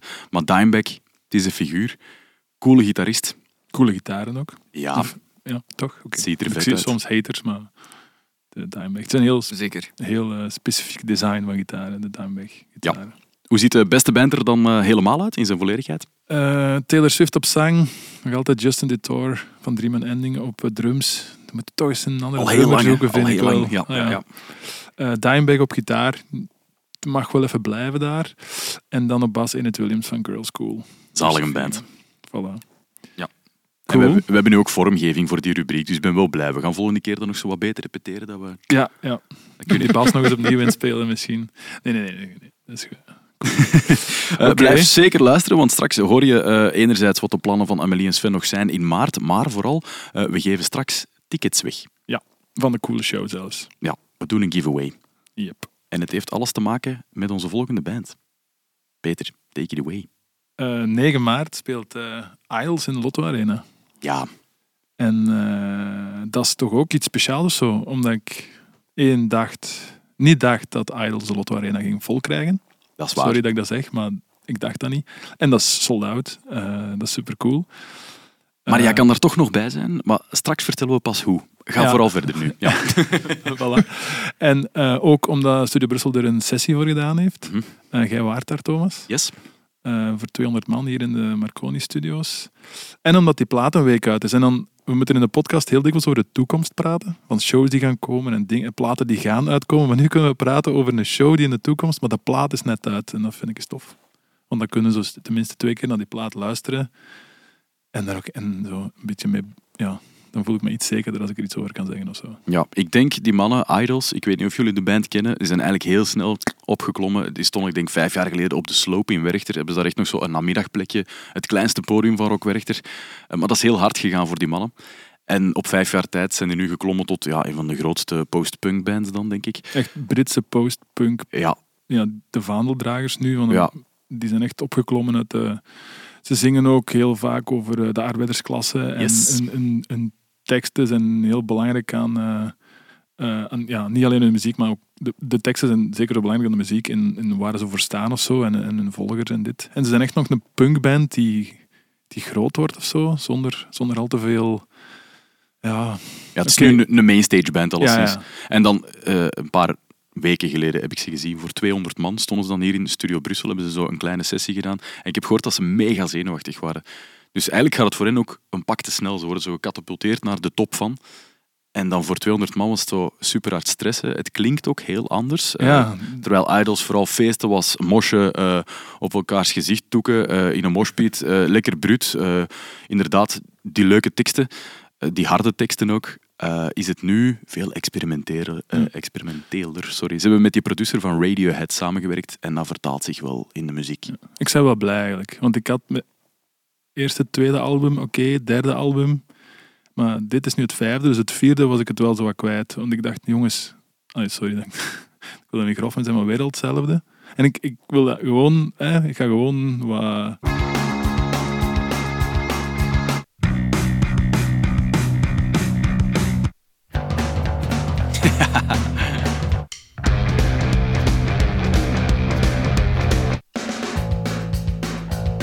Ja, ik snap wat je bedoelt. Het is altijd hetzelfde.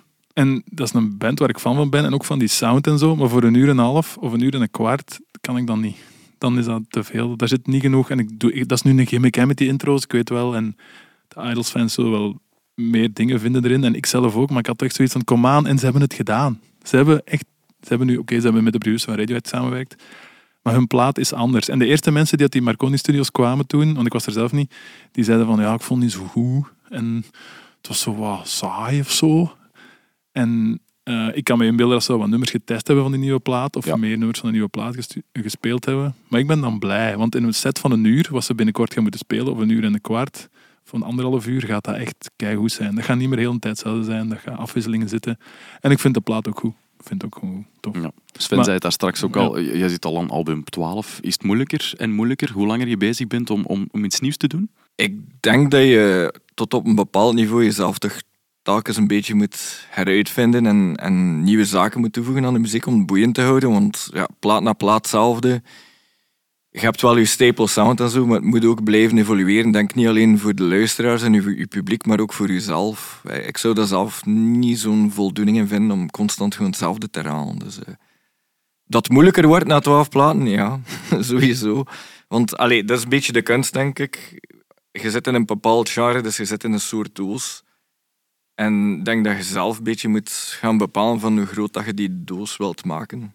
If that makes sense. Ja, en hoe doe je dat dan? Is dat door samen te werken met andere producers? eh, misschien coole samenwerking met muzikanten of andere instrumenten? Ik denk dat dat echt afhangt van, van het type muziek. Want producers, denk ik, in, in, in iets meer poppy muziek, dat dat heel andere samenwerking is dan in extreme metal. Ehm, producers hebben daar zeker mee te maken. Eh, instrumenten misschien niet zo. Wat wij wel geprobeerd hebben nu ook in, in de laatste plaats, is vooral andere stemmingen. Dus eh, dat je door je gitaar in een andere stemming te zetten, dat je sowieso een beetje andere dingen gaat schrijven, die, die beter passen in die stemming. Dus dat is misschien ook een tool om ja, een beetje uit te breiden en ook denk, ja, eh, listen to other shit. Ja. Dat bij muziek wel zot, heb je nooit het gevoel, alles is al een keer gemaakt. Ik kan dat zo Ja, niet vatten, omdat ik maar zelf de combinatie van zaken kan wel interessant zijn. Mhm. Ja. Bijvoorbeeld eh, Taylor Swift en Dimebag Barrel. Ja, is, eh, Ik zou een kaartje dat kopen. Van, ja, dat van die andere stemmingen, dat is wel een ding. Ik weet, als we met Brutus begonnen, denk ik bij de eerste, juist na de eerste plaat, dat we een keer gaan babbelen zijn met eh, Pieter Paul de Vos van Raketkanon. Wat toen voor ons, nou ja, nu nog altijd, maar voorbeeldband, eh geweldige liveband. En eh, we hebben een meeting met hem gehad thuis en die begon ook over andere stemmingen.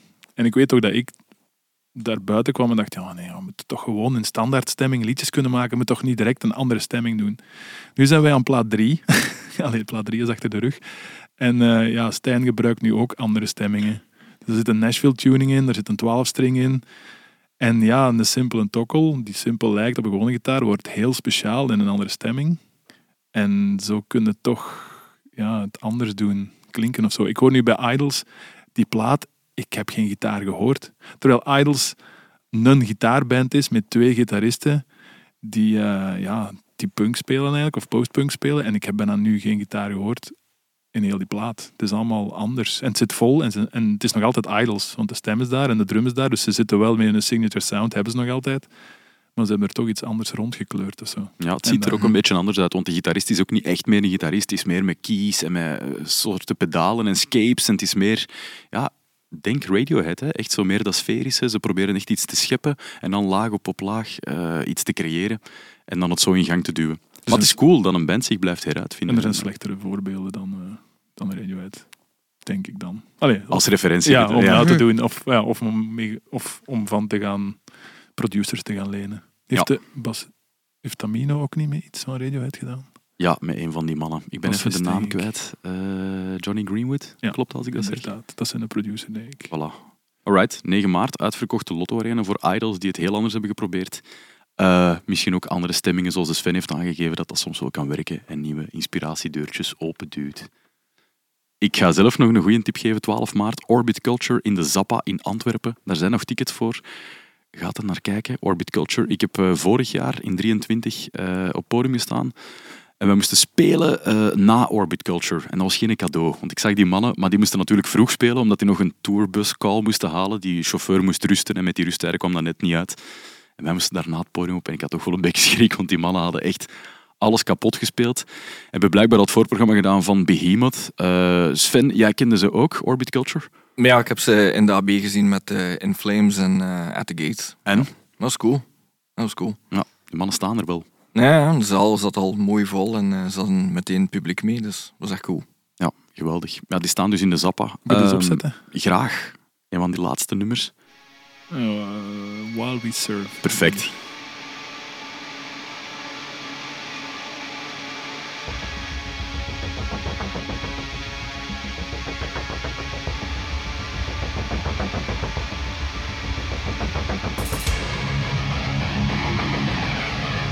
Super groovy, hè. Zelfs komt die ratatata, die cadans erin. Yes.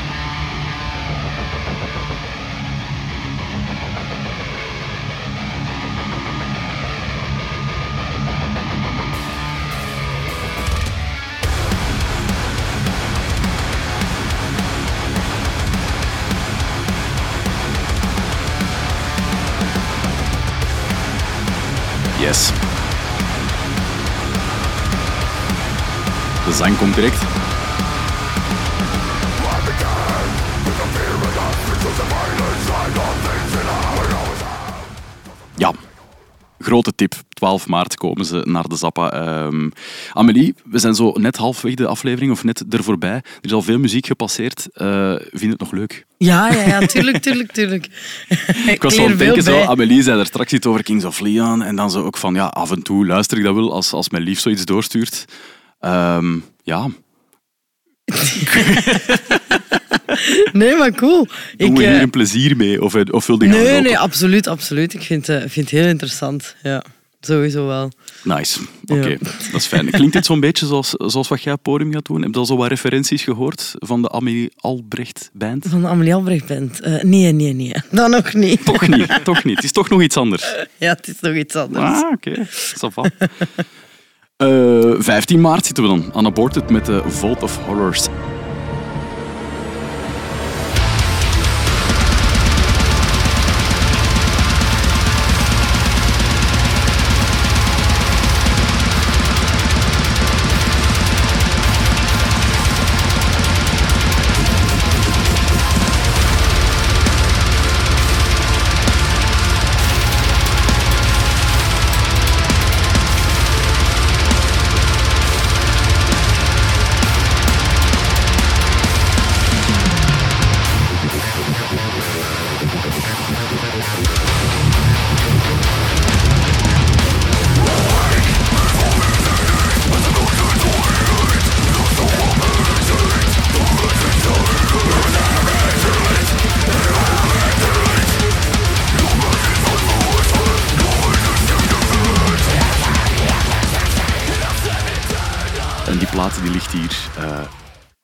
Die unboxen. Hè.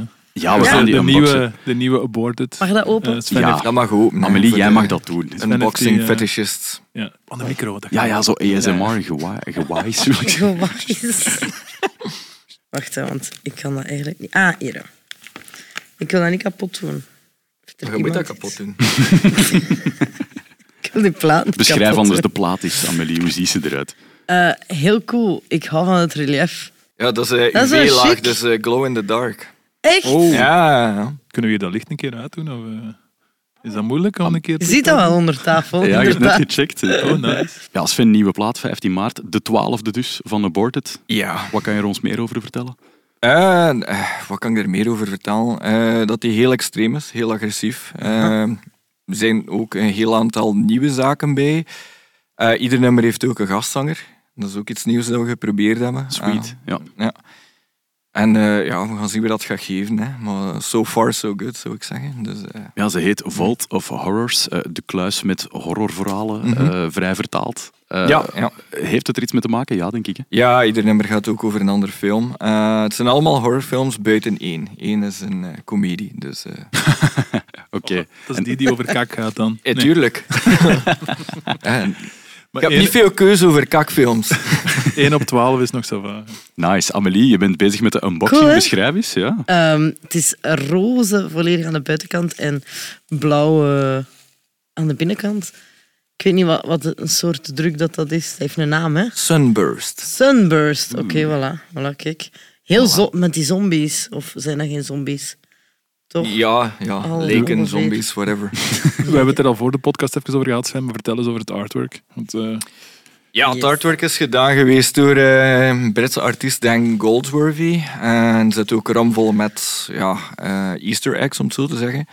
Ehm, niet alleen naar horrorfilms, maar ook eh, naar eigenlijk platen, bands die, die, die ons beïnvloed hebben. Bijvoorbeeld de, timer van de VCR, van de, de videoplayer, staat op Two Minutes to Midnight bijvoorbeeld. Ehm, het zit echt ramvol met eh, ja, easter eggs. Ja, re- referenties. ja. Ja, ja, ja, ja. Ah, graaf. Two Het minutes is heel to cool midnight. ehm, van binnen, alsof het zo'n film is.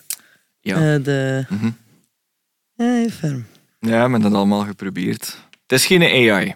voilà. Nee, nee, want je bent zelf ook wel eh, ontwerper eigenlijk. Hè? Ja, Graficus. Ja, ja.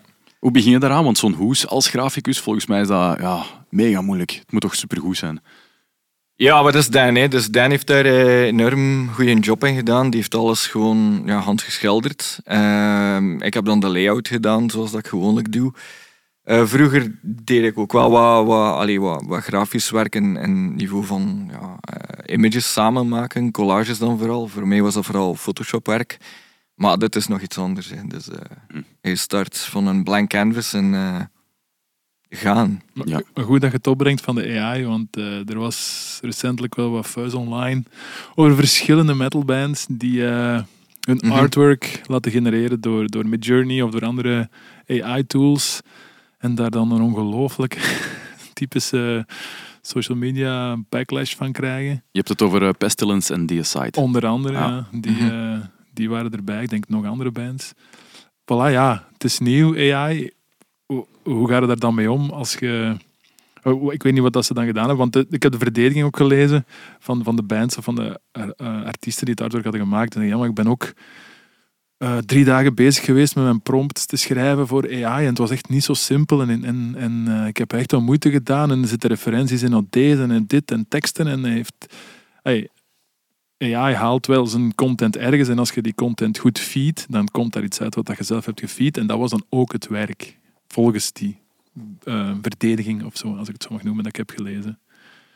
Ik zie je knikken en schudden. Als, ja, je bent zelf ontwerper, allee, eh, ja, contentmaker of grafisch ontwerper. En eh, ja, Ik denk dat het probleem vooral ligt bij het feit dat AI vooral getraind wordt op werken van andere artiesten. Dus die, die gaan sowieso ja, delen van andere artworks, van andere mensen gaan kopiëren en gebruiken als iets nieuws. En ik denk dat daar de, de gevoeligheid van de discussie ligt. Dus eh, ik snap het wel. en je weet niet van wie en je weet niet van waar. Het komt gewoon. Er staat ineens een, een, ram, een, een kop van een ram op. En wie heeft die een originele ram getekend? Dat hangt ervan af, hè, want dat kan ook in je prompt zitten. Je kunt echt specifiek de stijl van een bepaalde artiest in je prompt steken. Dus, eh, dat hangt ervan af hoe, hoe ver dat je erin Hoe gaat. ver dat je erin gaat. Mhm. Amelie, is bij u de verleiding al gekomen om een mop te laten genereren door AI? Ik heb dat eens geprobeerd Is dat echt? en dat ging niet. Dat was verschrikkelijk. Dat, dat de, Eh, ja, dat ging niet. Ik heb AI wel eens, al eens een nummer laten schrijven. Eh, ach, ik, In de stijl het- van? In de stijl, wacht, het, het ging... ehm, het, het moest over panda's gaan. Ah, ik weet niet meer in welke stijl. Wacht, hè. Maar, maar eh, in a bamboo forest where the wild things grow, there's a rebel panda with a punk rock soul. He's got black and white stripes and he's not afraid to break the rules and cause a panda parade. Eh, ja, Panda Punk is het eigenlijk. dat was een harder nummer en echt een heel nummer heeft hij geschreven. En dat was wel nog leutig, grappig, wetende dat ja, natuurlijk door AI gedaan is. Maar eh, ik weet niet of je daar echt veel mee... Je gaat er toch creatieve mensen nooit echt 100% mee kunnen vervangen. eh, Nee, nooit. Dus dat gelukkig niet. De famous, of de quote die ik altijd tegenkom, is eh, eh, AI zal u niet vervangen, maar een persoon die AI goed gebruikt zal u vervangen. Want er zijn ook wel voordelen aan. Het is niet, ik bedoel, je gaat mij niet horen zeggen dat alles tegen AI is. Ze zijn wel, ja, ja, je kunt dat wel goed gebruiken. Maar er, één, er zijn nog geen regels over hoe je het moet gebruiken. Er is geen wetgeving rond of heel Mhm. weinig wetgeving. Dus als die bands dat willen doen en daarmee wegkomen, niemand gaat zeggen dat dat niet mag of dat dat niet kan. Wat met copyright en zo en muziek en riff, de riff kopiëren van een andere band en die, daar komt al minder ver mee. Maar wat ik onthoud is dat we Amelie niet gaan betrappen op een mop die van AI is. En eh, dat we Sven ook niet gaan betrappen op artwork dat met AI is gecreëerd. Nee. Nee. Maar Het kan Ja. wel een middeltje zijn of zo, een tussenfase Ja. of zo, om zo wat inspiratie op te doen. dat we ook, of, of om verder mee te gaan. Bijvoorbeeld, we zien hier nu, want ik, ik heb ook mijn achtergrond in grafisch ontwerp, we zien nu een vierkante cover liggen. Maar tegenwoordig op social media, je hebt eh, wat allemaal nodig. Je hebt een vierkante post nodig, je hebt een rechthoekige post Ja. nodig, je hebt een post nodig voor stories. Ah, ja. Als je dan nog een ronde wilt, of een Facebook banner of een event banner, je zet 7, 8 afgeleiden aan het maken van die artwork. Je hebt shirts nodig, je hebt petten nodig. En misschien, ik kijk naar u Sven, eh, eh, misschien met die basismateriaal dat wel gemaakt is zoals het hoort gemaakt te zijn, door een echte artiest die daar deftig voor vergoed is, ehm, dat kun je dan wel laten herwerken naar andere formats. Waar je normaal ook die artiest misschien voor moet betalen. ja, hè? hoeveel, hoeveel Of niet? Ik, allee, als, als je een artiest eh, vraagt om, om je cover te ontwerpen, om al je artwork daar rond te doen, wat is dat extra beetje om dat, dat nu in een rechthoek te gieten? En in een, ik denk niet dat daar toch aan zou liggen. Als Maar- mensen echt zo pinnig zijn dat ze hun dag gaan besparen, dat zou ik wel zot vinden. Soms is het wel... Ja. Ja, moet rekenen, het is allemaal handgeschilderd. Als je daar een heel stuk canvas moet bijzetten, het zitten daar heel veel details Ja, in. dat is waar. Die, allee, die kan daar heel makkelijk twee dagen werk aan hebben, bijvoorbeeld. Hè. Op die Eh, planken vloer laten door te lopen. zeg Ja, maar. bijvoorbeeld, ja, dat, kan, allee, dat kan wel. Hè. Ja, maar ja, ja, op die manier. mijn ervaring met AI is dan dat je voor zo'n zaken, als het voor bleed is bijvoorbeeld, eh, misschien om te kaderen, bleed is hetgeen die afgesneden wordt in drukwerk. Ja. Eh, want je kunt niet tot aan de rand werken. Daar kun je wel AI momenteel voor gebruiken. Eh, maar zodra dat eigenlijk meer is dan dat, denk ik dat nog veel te, veel te vroeg is om, om een deftige, vooral drukklaar resultaat te hebben. Ik denk dat AI zeker zijn plaats heeft in, in de workflow van een artiest. Al is dat dan, ehm, ja, in, gelijk wat voor artiest, is, is dat dan in, in digitale producten bijvoorbeeld of voor eh, artwork. Ik denk dat het een heel goede tool is om, om bijvoorbeeld te gaan divergeren in je exploratiefase. Dan kun je composities, kleurcombinaties en zo gaan proberen. Daar anders uren mee bezig bent. Dus het kan een tool zijn om je te ondersteunen om sneller en beter je job te doen. Maar het is geen eindproduct voor mij. Nee. En ik denk ook, kijk, als je kijkt naar bands, moet je ook een beetje je je budget in de gaten houden. Ehm, als je artwork nodig hebt nu voor een post dat je ene keer op social media gaat plaatsen, dan vind ik dat best ook oké, want je gaat toch geen honderden of duizenden euro's uitgeven aan een image dat je ene keer gaat posten en het is weg. Qua. Nou ja, voor één tour. eh, mensen kijken er eens even in en klikken het dan weg. Voilà. Daarvoor zou het wel oké vinden om eh, AI in te schakelen. Ja, ik vind dat wel, ja.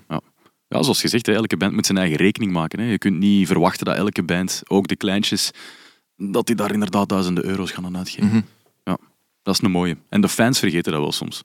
Daar straks ja, hadden we het er al kort even over. En jij zei toen ook van dat het, je maakte de vergelijking met een winkelkar. Dat vond ik wel een hele goeie. Dat is misschien een toffe om nog afsluitend eraan toe te voegen. Ja, ik vind uiteindelijk dat fans hebben de keuze om een, een album te kopen of niet. Eh, maar mensen moeten een beetje stoppen met zagen, vooral over ja, minder belangrijke zaken. We zijn hier allemaal gewoon voor muziek, voor de passie voor muziek en voor ons te amuseren. En al dat gezag daar rond leidt tot niks uiteindelijk. En als je het nu heel simpelweg wilt vergelijken met winkelen bijvoorbeeld. eh, wij gaan ook niet in de fans hun winkelkar gaan kijken van wat voor producten dat ze kopen. Dus eh, maybe they shouldn't as well. Ja. En dan niet zeggen van, hela, dat is wel de fake cola, hè. koop eens Ja. Coca-Cola. Voilà, ja. voilà. Goeie vergelijking. Minder zagen, meer appreciëren. Eh, 15 maart dus, die release van Aborted, de nieuwe plaat. Ehm, ja, op Ja. 15 maart is er ook een coole show van Butch in de Botaniek in Brussel. Ja, dus als je dan niet naar bord gaat... Je speelt toch een show ook, hè? Eh, op 15 maart. Iets Ah, nee, later, de iets plaat- later, de in de. Nee, nee, iets later. Wanneer zijn de shows? Eh, we beginnen in Duitsland de 16e en het is in Sint-Niklaas in België, maar vraag me niet meer wanneer. 28 maart. Voilà. Hopla, voilà, die moesten nog in. Yes. En wel dan op 15 maart nou, kun je op de trein op weg naar Botch in de botaniek luisteren naar die wat wordt het. Eh, ja, Botch komt naar de botaniek. Eh Botch, kijk, ja, ik ga erover vertellen, maar één, ik was er zelf niet bij, want in eh, 1998 en, en 99 en zo luisterde ik naar Satanic Surfers en Bad, Bad Religion en niet naar Botch. Want Botch was voor de cool kids en eh, ik was een punkrocker, als ik het zo mag zeggen. Eh, maar die zijn nu wel terug samen en eh, ik heb dat dan ook pas later leren kennen en ook vooral door de bands die verder gekomen zijn uit Botch. Dus Botch was een van de noisecore, als we het zo moeten noemen. Ik ga gewoon Zet maar iets op. Ja, een liedje laten horen, hè, dan, dan is dat veel, veel makkelijker.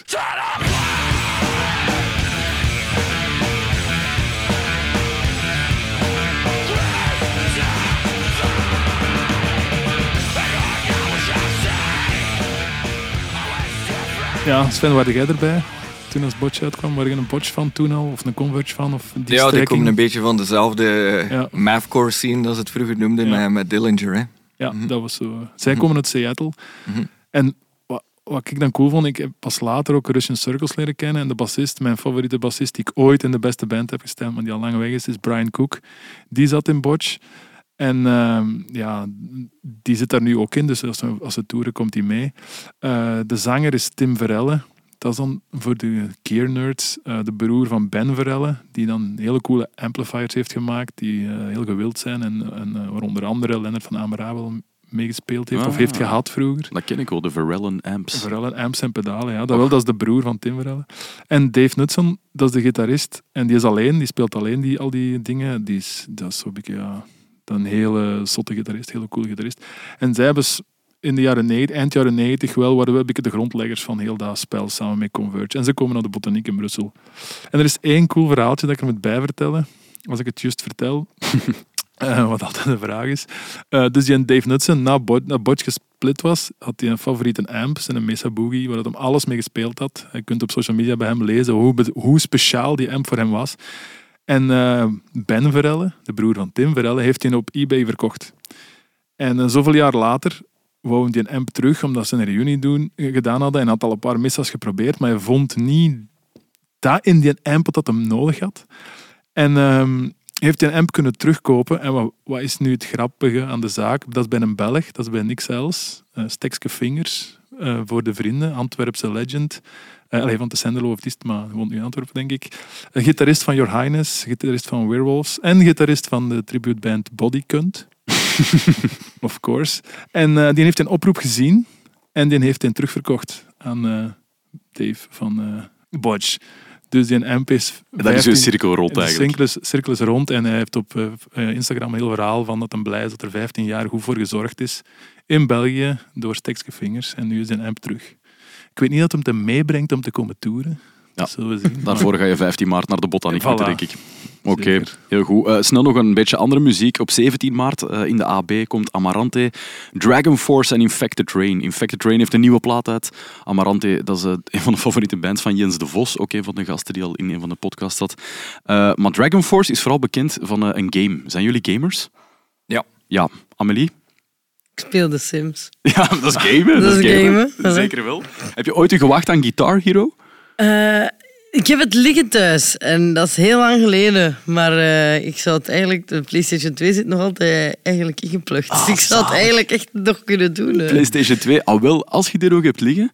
Ik weet niet of de naam Dragon Force zoiets zegt, want die hebben zo, ja, dat is, dat is de highest difficulty, expert level eh, van dit nummer, Through the Fire and Flames. Maar ik heb echt veel geprobeerd. Ja. Beeld u in. Met dat speelgoedgitarke. Die bolletjes razendsnel op je scherm. Pa, pa, pa,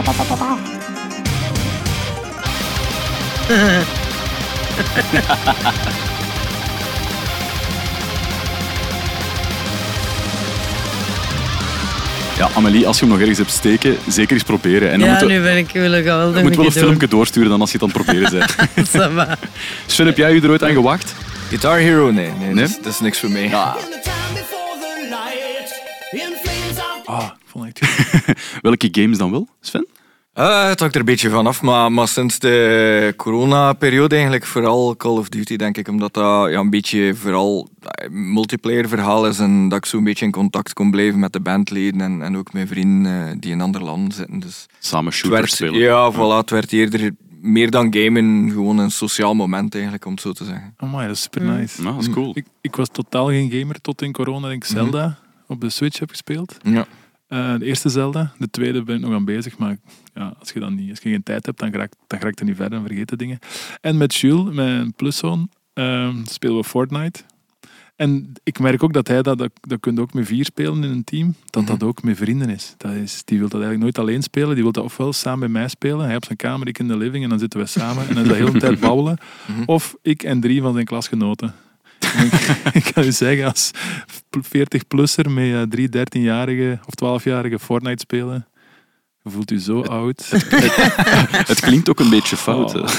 Nee, het is niet fout, het is vooral moeilijk. En, eh, die zijn zo snel, die spelen ondertussen nog een ander spel op hun gsm.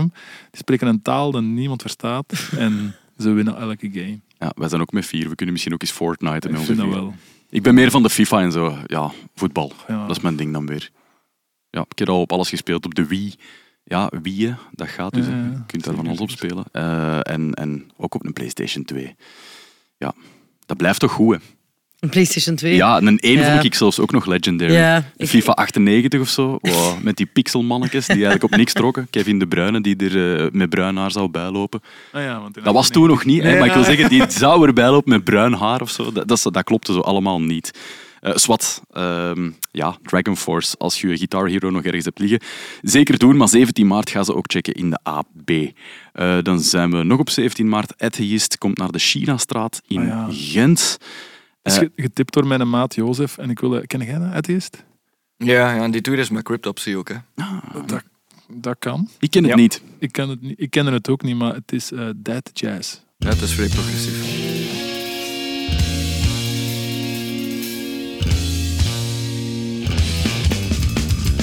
Alright.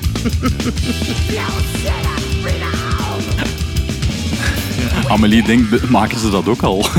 Dead Jazz. Er bestaan eh, van alles, hè? Dat is echt heel speciaal.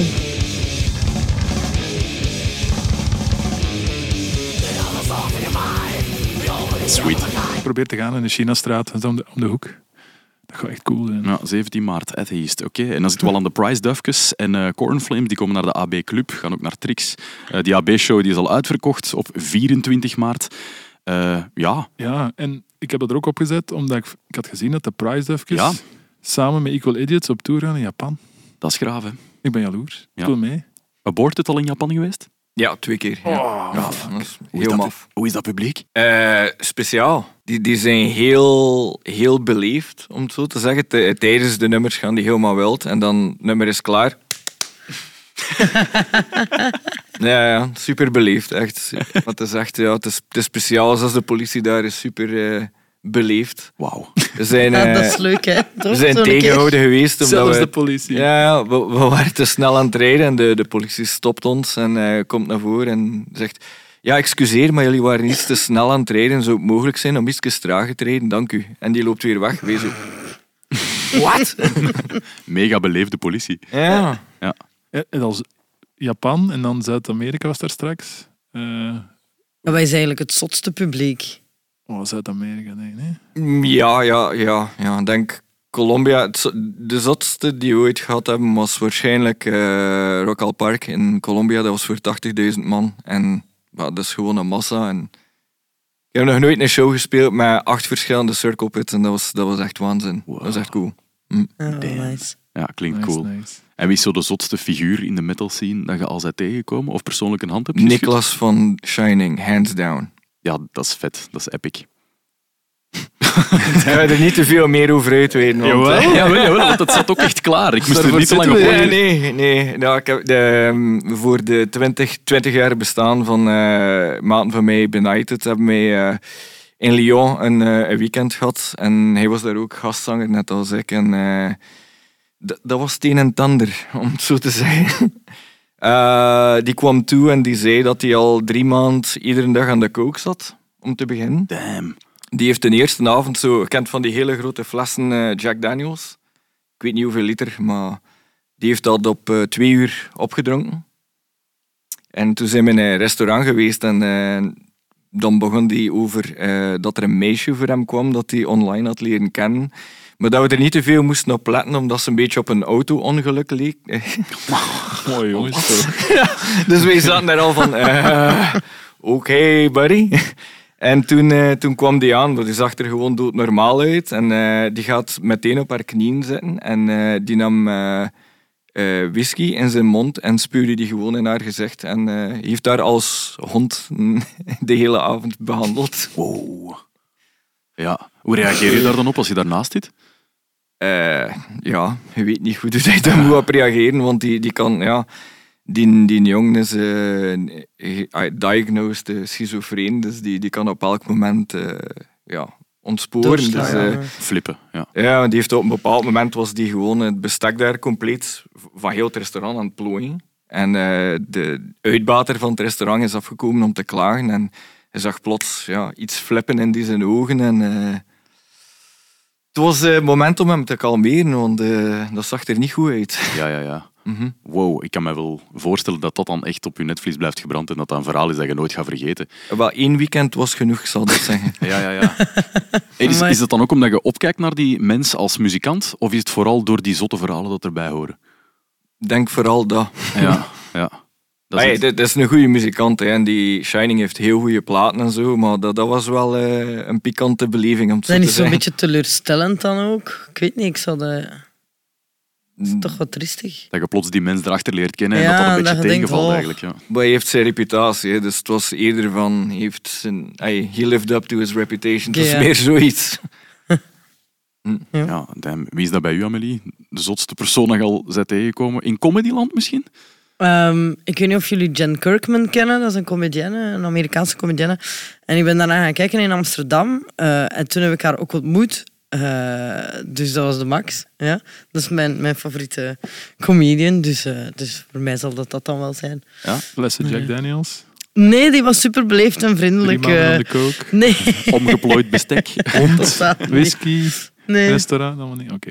Waarom was dat dan de gekste?